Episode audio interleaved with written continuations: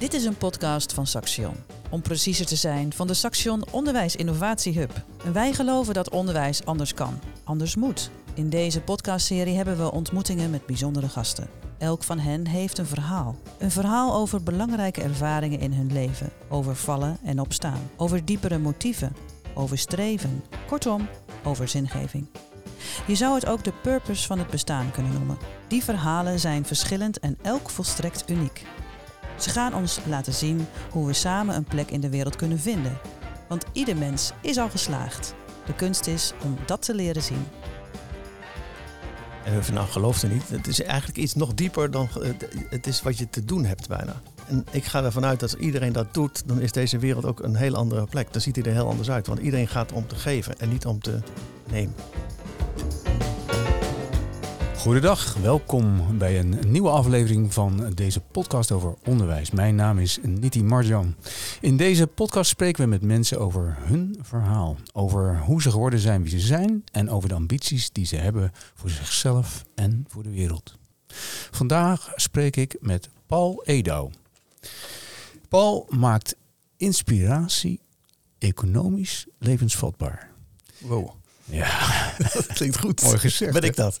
Ja, ik dacht dat dat is hem. Hij brengt mensen en organisaties in beweging. Hij heeft een lange historie als directeur, oprichter, partner in bedrijven die mensen help, helpen om vanuit hun diepste motieven tot handelen te komen. Maar hij begon als business developer bij DSM. En dat was een hele andere wereld, vermoed ik. Hoe zijn een loopbaan zo is gelopen, daar gaan we het over hebben. Welkom Paul. Dankjewel. Uh, heb je er altijd van gedroomd om business developer te worden toen je jong was? Nee, ik wist niet eens wat het was. En het is trouwens ook nog Engels en dat sprak ik toen nog niet. Nee. Wat is het? Ja, het gaat erom dat je van een idee uh, iets tastbaars maakt en dan de eerste verkoop doet. Zodat het business wordt. Dat is het eigenlijk. Oké, okay, dus je bent eigenlijk verkoper? Net daarvoor. Oh ja ontwikkelen van de eerste verkoop. Ja. En, en jij bent bij DSM terechtgekomen na een studie of zo? Wat, wat heb je gedaan? Nou ja, ik, uh, ik ben begonnen op de MAVO. Toenmalig was het, nu tegenwoordig heet dat uh, VMBO. MAVO. Dacht ik, nou, gaan we maar door. HAVO. VWO, nee.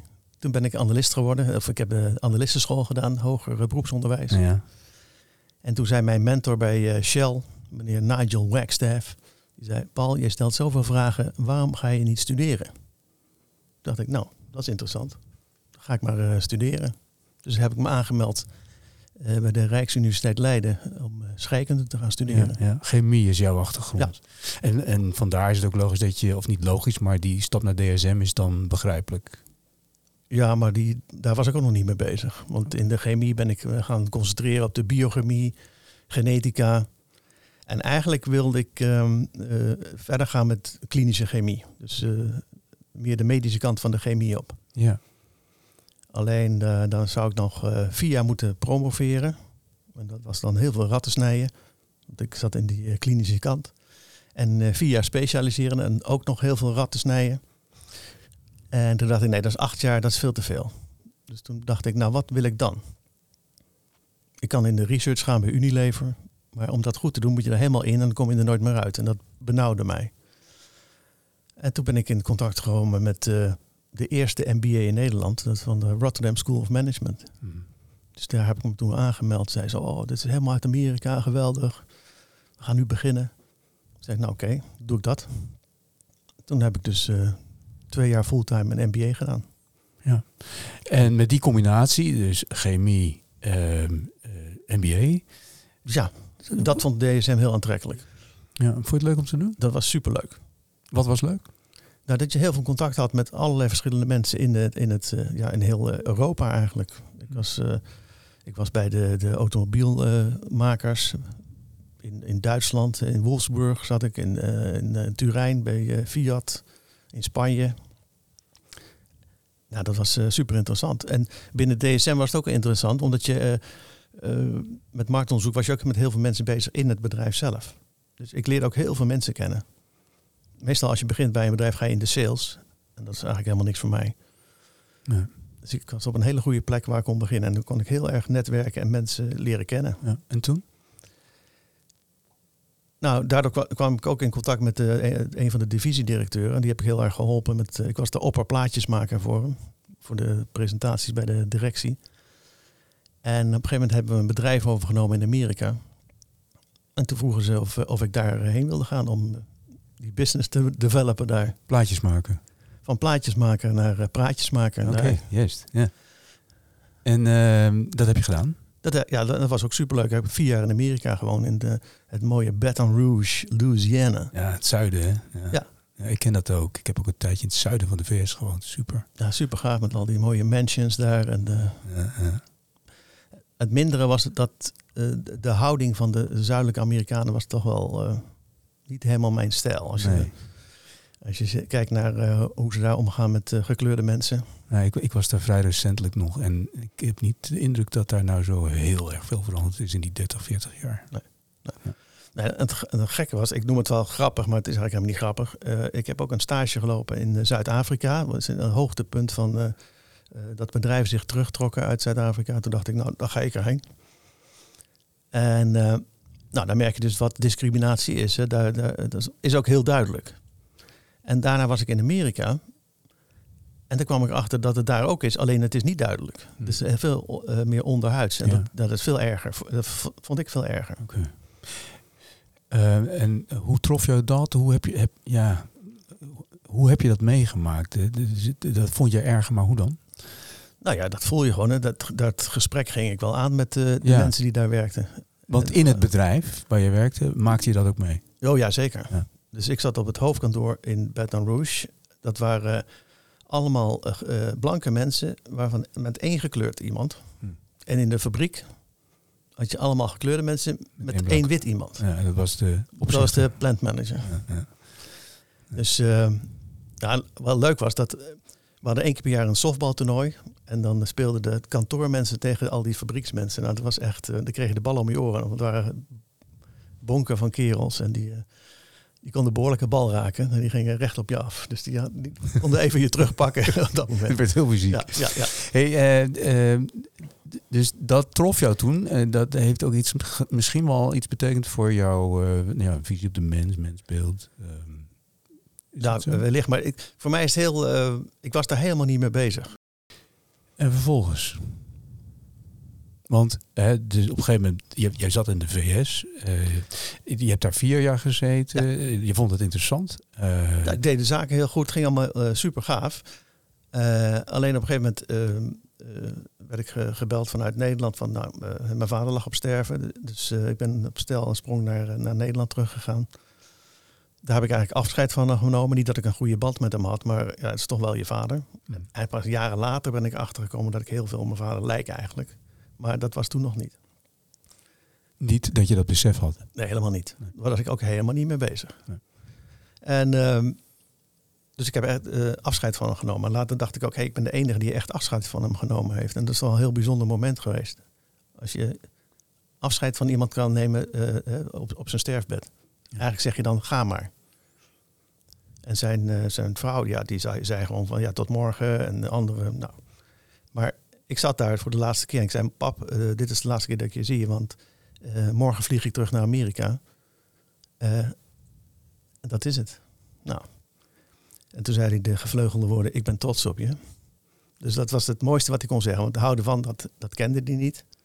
Maar hij zei dit en dat was voor mij al super gaaf.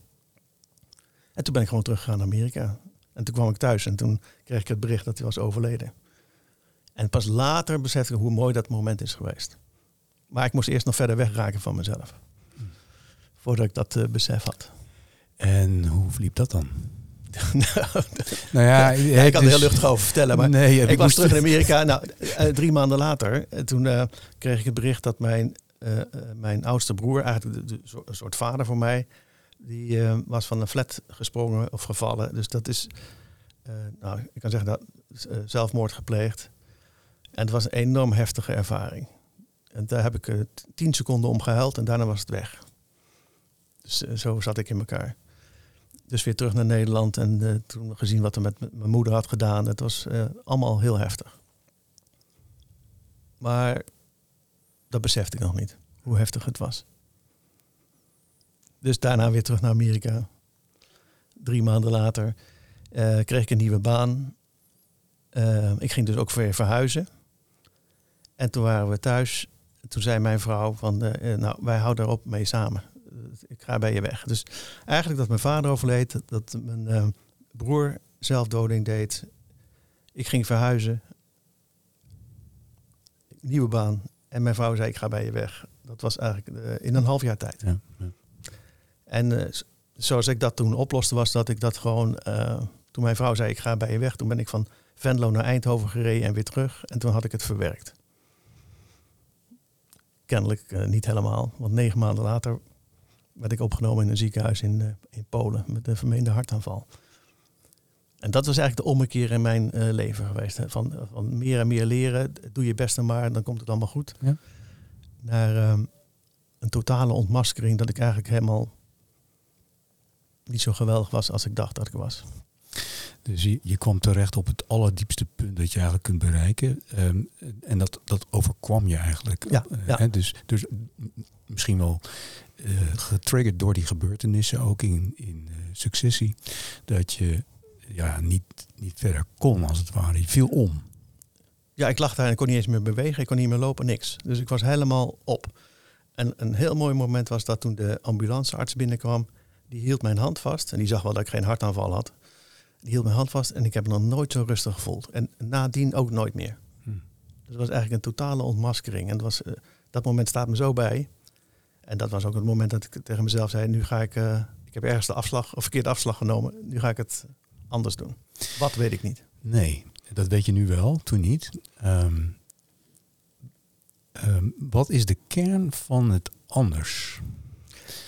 Nou, dat is eigenlijk waar ik achter kwam na een kleine zoektocht. Ik, ja, ik ben nog steeds bezig met die zoektocht. Maar was dat, dat ik mijn bestaansrecht ontleedde aan wat ik deed en niet wie ik ben. En eh, eigenlijk is nou, dat de grote les voor mij geweest. En dat draag ik nu eigenlijk ook overal uit. Dat, dat wie je bent en wat je doet, dat dat samengaat. Dus ik, ik daag eigenlijk mensen uit om, en bedrijven ook om dat te gaan doen. Om te zorgen dat wat je doet, dat het past bij wie je bent. Die- En waarvoor je bent zelfs. Hm. Ik, eh, ik trek het wat, eh, wat verder. Waarvoor ben je?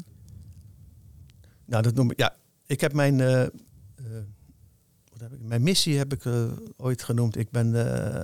ik, ik mis zoveel dat er, dat, dat er is zoveel potentie in mensen. Wat niet gebruikt wordt. Menselijk kapitaal kan je dat noemen. En ik ben degene die dat wakker kust. Eén mens tegelijk. Zodat je potentiële energie omzet in kinetische energie. Dus van, van statisch naar dynamisch. Dat mensen gaan doen waarvoor ze eigenlijk zijn. En dat ik, ja, ik weet het ook, ik ben ook met een zoektocht bezig, maar neem ik mensen op mee om die zoektocht aan te gaan.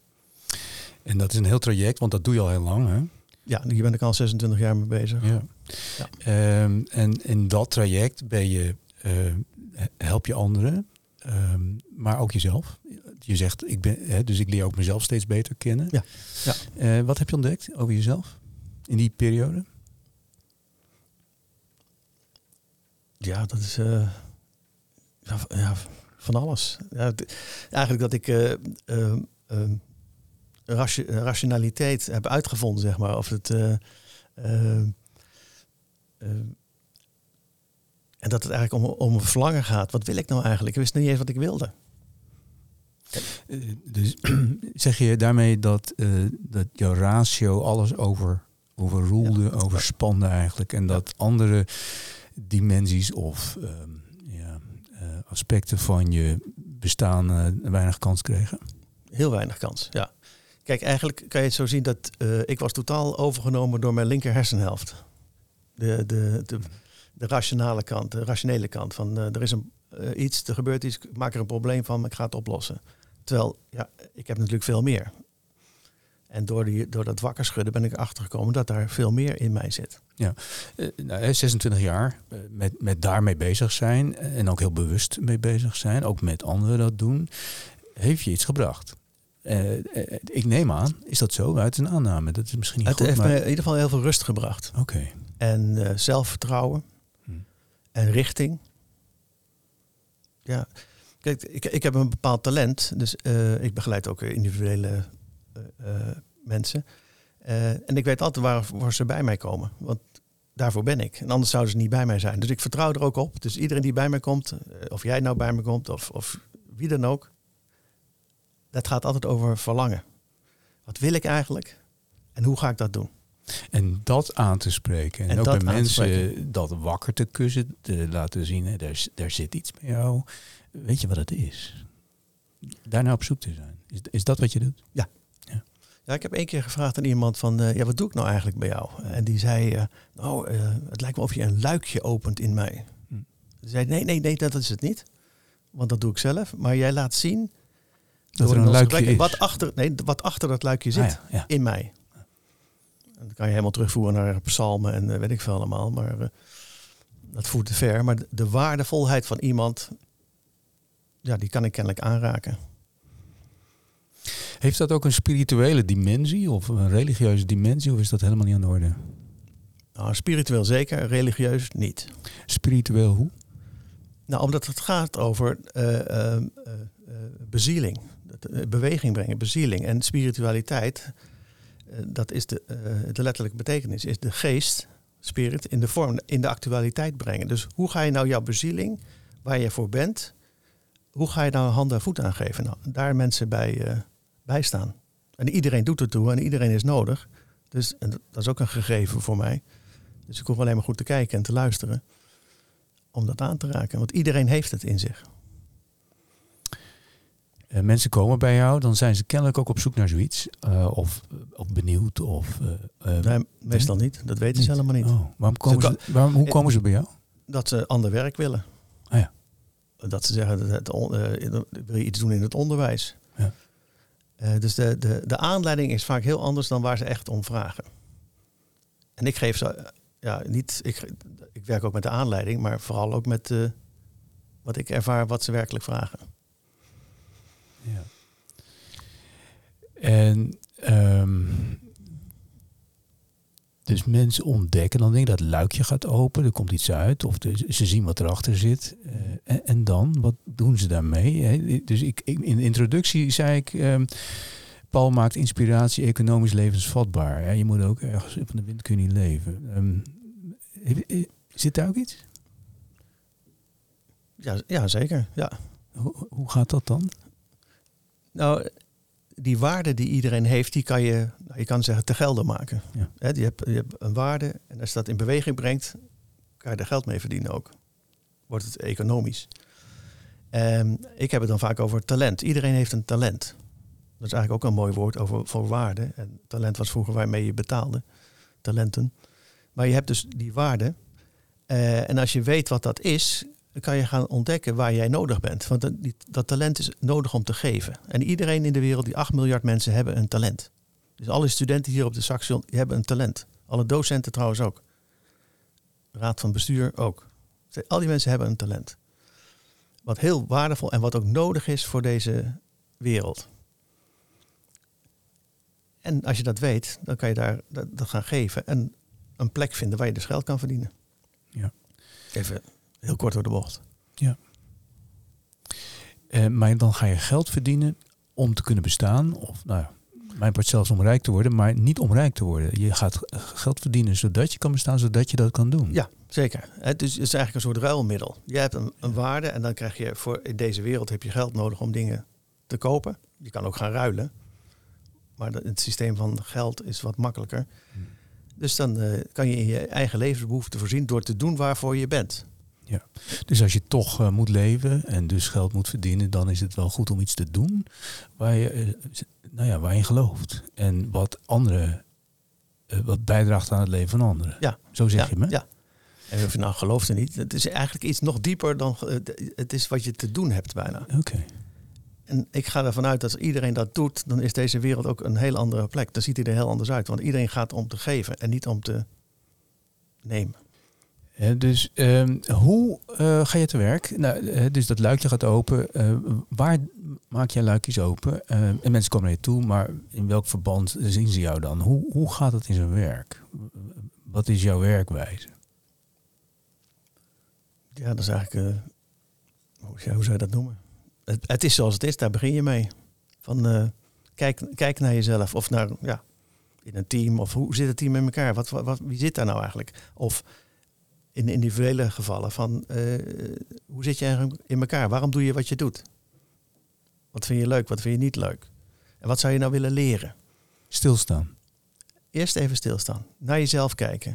Beschouwen. In de theorie U is dat de, de linkerboog, zeg maar, waar je naar jezelf kijkt. Observe. En vervolgens komt er een, een, een, een, tijdje van stilstaan. Van, eh, van even naar jezelf kijken, reflecteren. Wat wil ik nou eigenlijk? Ik vertaal dat nou, wat, wat is je diepste verlangen? Oh, want dat is eigenlijk de, eh, verlangen is eigenlijk de motiverende factor voor je. Dat, dat, ge, dat geeft je energie. En vervolgens ga je iets doen vanuit die energie. En dat doe je dan met je talent. Nee, dus dan weet je eigenlijk, het is de lading waarmee je alles doet. Ik heb mijn talent eh, heel lang de ontspruiter genoemd. Tot een maand geleden. Hè, dat, dat, ik, de, dat zit iets onder de grond en dat komt boven de grond. Dat is eigenlijk wat ik dan eh, doe.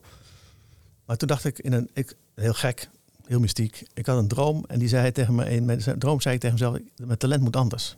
Want ik doe niks. Want dat doen mensen zelf. Hm. En toen heb ik eh, nou, met mensen gepraat, want dat kan ik zelf niet ontdekken. Wel bij anderen, maar niet bij mezelf. En zo werkt een talent. Ehm, Je, je bent blind van je eigen talent. Ja. Mhm. dus ik heb met een aantal mensen gepraat en toen kwam het eigenlijk over van... eh, eh, ik ben een geboren talentfluisteraar. Hm.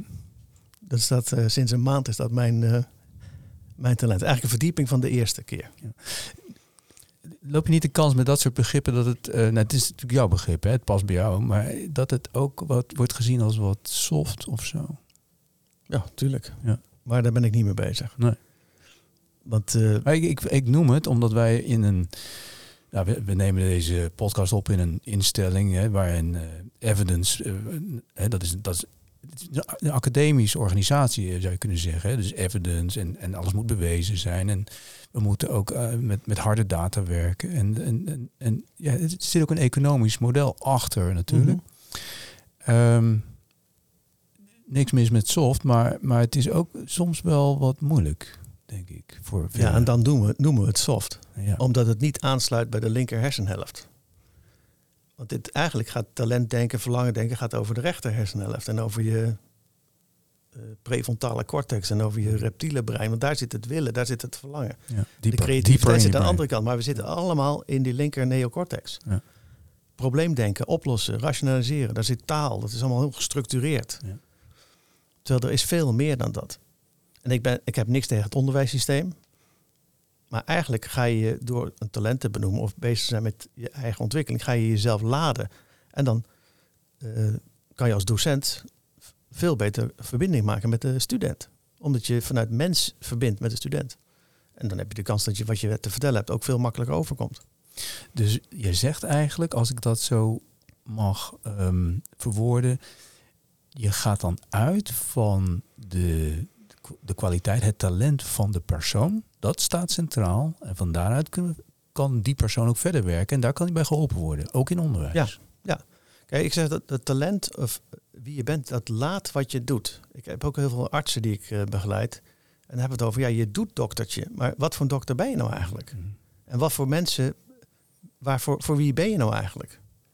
Dus als wij iemand opleiden tot accountant of tot ehm, eh, eh, productontwikkelaar of eh, nou ja, het doet er niet toe wat, dan word je weliswaar productontwikkelaar, maar jij wordt de productontwikkelaar die bij jou past. Dus jij bent de productontwikkelaar die uniek is omdat jij het bent.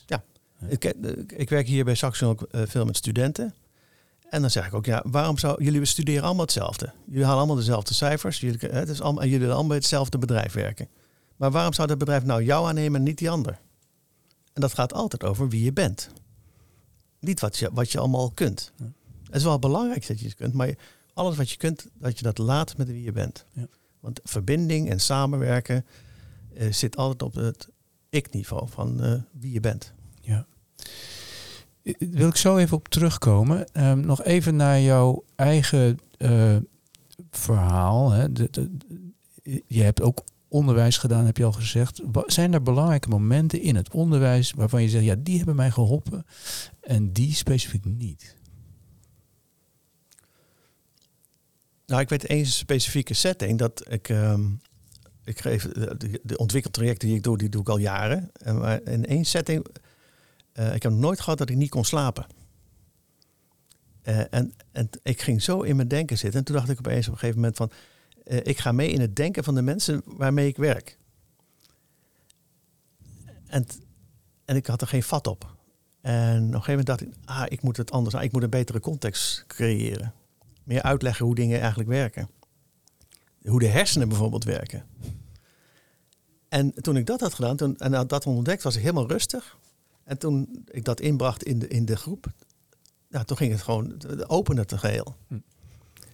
Dus dat heb ik geleerd, om ehm, eh, niet alles vanzelfsprekend te nemen. Want voor mij is het allemaal heel makkelijk, want ik ben er al eeuwen mee bezig. Misschien wel eh, echt eeuwen. Maar dat ik de context eh, schets. Dat Ja. ik het mensen meeneem in, in bijvoorbeeld ook de huiswerkopdrachten. Hè, dat iemand zegt van Huiswerk, dat klinkt nogal klassiek. ja, ja, dat is ook klassiek. Ja. Nou. Je kan het ook integratieopdrachten noemen. Maar ik ben een beetje ouderwets. Ja. Maar als je iets wil leren, dan moet je ook iets doen. Klinkt, klinkt als, eh, ja, ja, er zit ook een zekere disciplinering in. En dat is het mooie van het woord discip- discipline. Dat betekent eigenlijk leren. Het, we denken vooral, discipline is, oh, eh, het is de militairen allemaal in de pas lopen. Nee, maar discipline gaat over dat je iets leert. En dat leer je alleen maar als je iets doet. En, eh, eh, en dat je er de tijd voor neemt om iets te doen. Hè, mensen oh, meditatie is niks voor mij. Eh, Probeer het gewoon een tijd. Zet het in de tijd. Doe het drie maanden, één keer per dag. En dan na drie maanden ga je zeggen wat het je heeft opgeleverd. Maar doe iets. En dat is discipline. En discipline moet uit jezelf komen, maar ehm, kun je dan ook geholpen worden om discipline te ontwikkelen? Jazeker. Ja. Eh, Door li- liefdevol uit te dagen. Hè? Als je eh, met een groepen mensen werkt en zegt, nou, wat heb je gedaan? Nou, wat heeft het opgeleverd? Nou, ja, ik heb het niet gedaan, want ik wist niet waarom. Mijn oude ik zegt dan, omdat ik het zeg. Maar de nieuwe is meer context creëert. En nou, daarom, dit, als je iets doet, dan leer je het. En dan, en dan hoef ik niet eens alles te zeggen, maar de mensen in de groep ook. Die zeggen ook, ja, nou, ik heb dit gedaan, ik heb er dit van geleerd. Hmm. En zo help je elkaar. Dus dat is eigenlijk het eh, mooiste in een groep werken. Ja, dat, dat, dat werkt vaak goed. Hè? Dat je dus de groep ehm, zo probeert ehm, ja, te laten worden dat in die groep ook echt het gesprek kan plaatsvinden Ja. over het leren en over, ehm, over elkaar. Ja, en dat maakt niet uit wie er zit. Hè. Of je nou docenten bij de studenten hebt zitten Ja. of met de eh, Ja. directie en eh, medewerkers, lectoren, één groep. Want ehm, dat is mooi wat de Benedictijnen zeggen. Iedereen is een beginner, dat is hun regel. Hm. Ze hebben een paar regels en de eerste regel is iedereen is een beginner. En als je zo in zo'n groep zit, de directeur is ook een beginner. Ik begeleid dat, maar ik ben ook een beginner. En dat in de betekenis van ik heb iets te leren. Maar dat vraagt wel hè, dat, ehm, dat je dus van een meet af aan in zo'n groep. eh, eh, ik, weet, ik, ik weet hoe jij dat doet en hoe wij dat doen, hè, want wij doen dat ook wel eens samen. Eh, dat vraagt dat in zo'n groep. ehm, dat je meteen ook een soort sfeer weet te creëren waarin dat kan, waarin dat mag, waarin dat mogelijk is en waarin mensen ook vrij zijn om dat te doen. En vond jij het moeilijk om dat te doen? Nee, Nee. Nee, dat is eh, eigenlijk, maar het is zo belangrijk en het Ja. gebeurt ook vaak niet. Of er is geen aandacht voor. Eh, zie ik, hè? Ook in onderwijs. Ja, in eh, onder, maar als wij met elkaar zijn, Nee, dat is het gaat altijd altijd. goed, gaat en het is goed. vanaf meet af aan. We hoeven niet eens wat te zeggen en Nee. het is er al. Ja. Want het gaat allemaal ook over intentie waarmee wij daar zitten. Ja, Oké. Wij zitten heel liefdevol daar en we, we gunnen iedereen het mooiste. En dat merken mensen al, want wij zijn al in verbinding met die mensen. We hebben al een intake ook gehad met ze. Ja. Dus we hebben die verbinding al opgezocht. Oké. ehm, ehm, heeft onderwijs, je hebt dus iets gezegd over jouw opleidingsachtergrond. En we gaan niet helemaal weer terug, maar even om eh, de brug te maken naar het onderwijs van nu. Heeft onderwijs in jouw verleden ehm, bijgedragen aan jouw vorming? De antwoord zal zijn ja, maar hoe dan? Nou, dat heeft mij gevormd zodat ik zo, eh, eigenlijk gek gezegd zo ver mogelijk van mezelf weg ben gegaan. Ja. Omdat ik eh, heel rationeel ben opgevoed. En, eh, ik heb drie academische titels. Ja. En daar ontleen ik mijn bestaansrecht aan. Maar dat was allemaal heel goed. Dus ik ga dat ook niet afkraken. Het had anders gemoeten. Nee, dat was mijn weg. Het is Alleen- wel een wat lange weg, zou je zeggen, die bovendien op een ge- gegeven moment ook niet zo prettige eh, tussenstop kent. Het is het mooiste dat mij is overkomen. Oké. We denken, we denken vaak, nee, dat is oh, erg, wat erg, een burn-out. Nee, het is gaaf. Had het ook niet wat vloeiender gekund? Nee, bij mij niet. Want dat had ik niet gekund wat ik nu kan doen. Nee. Dus als je gewoon dingen neemt zoals ze zijn en daar betekenis aan geeft. Ja. En dat is eigenlijk waar het allemaal om gaat. Het totaal is, eh, eh, alles wat we, wat we meemaken is totaal zinloos. Het leven, ik zeg, oh, het leven is zinloos. En de mensen, oh, hoe kan het nou? Nou, dat is juist mooi dat het leven zinloos is, want dan kan je het zin geven. maken, het zou ja. toch zinvol Ja, zijn? Dan heb je niks te doen. Nee. Heb je hè, al die mensen met talenten die niks kunnen. Het is zinloos. Dus, en mijn weg is zo gegaan. En ik heb er, eh, dat, om te doen wat ik nu doe, heb ik dat moeten doen. Heb ik moeten meemaken dat mijn broer eh, zelfmoord heeft gepleegd. Want ik heb zelf op hetzelfde punt gestaan. Maar doordat ik toen dacht, nee, dat heeft mijn broer gedaan, heb ik hulp gezocht. Dus ik, eh, dat, en daarmee heb ik eigenlijk zijn overlijden zin gegeven. Het is totaal, ik ben nog steeds boos op hem en alles, dat, dat, daar niet van. Maar ik heb het zin gegeven aan deze zinloze daad. En zo kan je heel veel dingen zin geven. Ehm, nou ga ik het ehm, een beetje spannend maken, want Als je dat- als je... het is behoorlijk spannend inderdaad. Verdikke. maar als je dat zo zegt, eh, ja, het is zoals het is. Je neemt het zoals het is. En daar geef je betekenis aan door het zelf te doen. Ja, dan hoeven we ook niks te veranderen in wat er nu bestaat. Eh, en dan heb ik het vooral even over de onderwijscontext. Of misschien wel de maatschappij als geheel. Eh, het is zoals het is. En dat overkomt ons en dat brengt ons ergens en dan zien we wel weer verder. Nou ja, zo kan je ook denken. En dan krijg je wat je houdt, had. Maar het betekent niet, eh, als je zegt het is zoals het is, dat je niks hoeft te doen. Want verlangen, dat is op de vanuit de toekomst jouw roep. Waar wil ik heen? Wat wil ik nou leren? Wat, oh, wat ligt er voor mij in het verschiet? Dus je gaat wel ergens heen. En als je eh, le- leert je eh, linker hersenhelft ontwikkelen en je rechter hersenhelft en je prefrontale en alles, dan krijg je een hele andere wereld. Dan ga je hele andere dingen doen. Dus als je in het onderwijs niet alleen die linker hersenhelft ontwikkelt, zoals het meestal gebeurt, maar ook bij bedrijfskunde ook eh, kunst gaat eh, inweven in in het lespakket. Ja, dan is, dat is goud. Maar dan ga je hele andere dingen doen. Dan ga je automatisch waarde creëren. Dan ga je, dan ga je automatisch van graaien naar geven. En dat zie je het nu al gebeuren met studenten die, die al, doordat je even wat ander verhaal vertelt, dat ze al anders gaan praten. Ja. En dan intrinsiek willen we helemaal niks graaien. Intrinsiek willen we de, de, wereld helemaal niet ver- vernietigen. Dat willen we helemaal niet. We willen zelf iets goed kunnen. We willen het samen doen. We willen het zelf kunnen en we willen het voor elkaar doen. Ja. Hè, dat, eh, de Indianen noemden dat eh, de circle of courage. Maar dat zijn de psychologische basisbehoeften. Dus intrinsiek willen we gewoon geven. Maar dat, ja, dat wordt een beetje ingekapseld.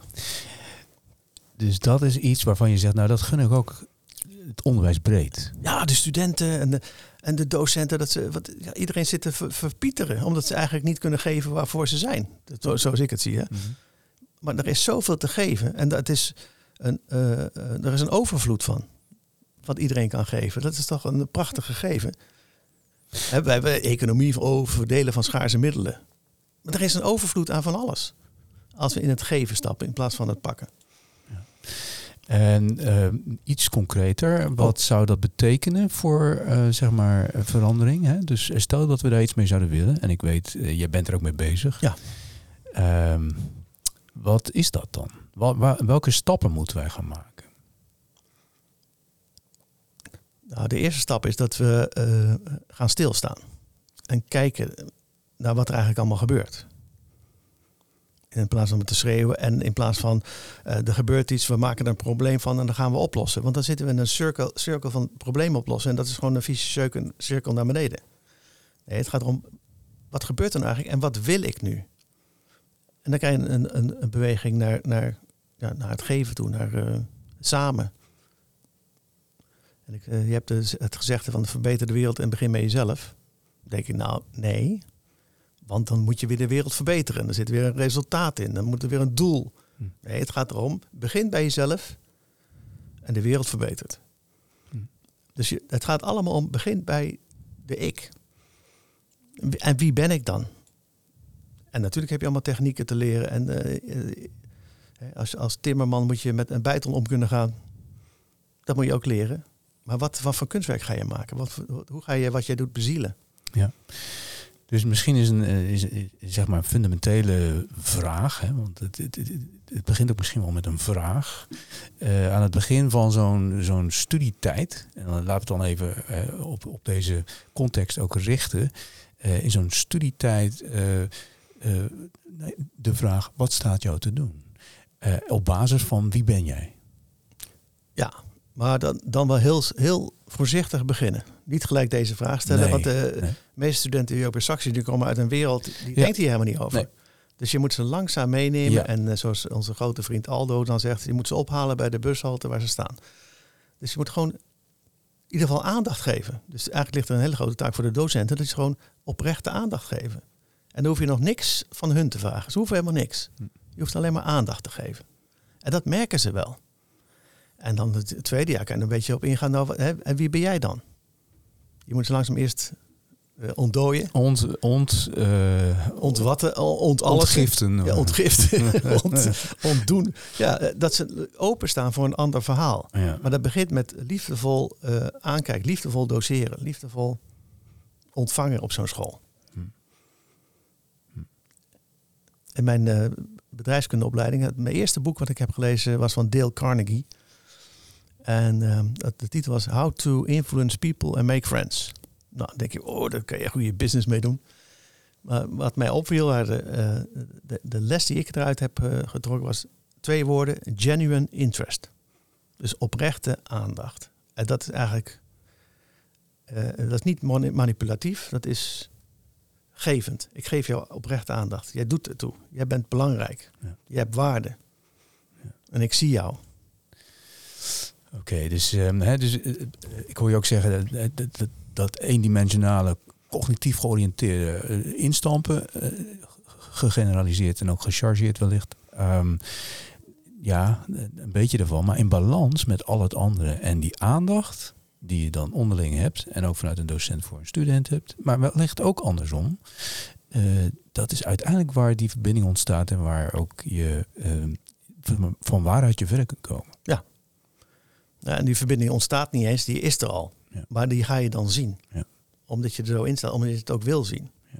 En dan heb je kans dat er iets gebeurt. En echt zinvol samenwerken eh, moet die basis wellicht ook hebben. Ja. Ja. Oké, Paul, we moeten naar een einde. Eh, dat, ja, het gaat snel, hè? Nou, Ehm, ja, is er iets wat jij nog eh, kwijt wil? Ik zie daar een boekje naast je liggen. eh, waar je iets over kwijt? Of wil je iets voorlezen wellicht? Want het is een boekje wat jij zelf hebt samengesteld. ja, want ik ben al jaren hiermee bezig hè, met, dit, met dit werk van de, liefdevol zijn en liefdevol geven en de weg van transformatie. En ze well, Paul, je moet een boek over schrijven, geweldig. Nou, zei ik, nou, alles is al geschreven, dus dat hoef ik niet te doen. Sla maar een, eh, een heilig boek open of een, eh, boek van een of andere eh eh Soefi-figuur. Daar staat alles al in. We moeten het alleen gaan doen. En toen dacht ik opeens, ik ga een gedichtenbundeltje schrijven over dingen die ik zelf heb ervaren. Dus over de, de dood van mijn broer, de dood van mijn vader, eh, mijn eigen geboorte, wat ik ervan kan herinneren. En eh, eh, met de boodschap daarbij van, het is niet eens een boodschap, maar als ik het kan, kan iedereen het. Hm. En ik heb eigen wijsheid uitgevonden, zeg ik wel eens. Hm. En als ik die draai kan maken, kan iedereen het. Dus het is eigenlijk een verhaaltje van, het is hoopvol. Mooi. Iedereen kan het. Wil je iets voorlezen? Welke wil je? Nou, niet over je geboorte, maar iets, iets later. Iets later. De laatste. De laatste. Maar de allerlaatste is staat eh, laat los. Oké. Huh? Niet te lang? Dat, is, nou, dat is gewoon één, het zijn twee woorden. Oh, laat, los, dat is hem. Dat is, ah, laat los. Dus alle dingen die we bedenken dat hoe het is, als je dat nou eens loslaat. En gaat kijken van, ah, zo zit het dus in elkaar. En, en we zitten zo gehecht aan onze patronen. Nee, laat los. Laat los. Dat vind ik wel een hele mooie. En dat de eerste twee zinnen van het, eh, eerst laat los. En dan gaat dan op reis van, het laatste gedicht eigenlijk. Stop het vluchten en ga reizen. Daarna waar je oorsprong huist.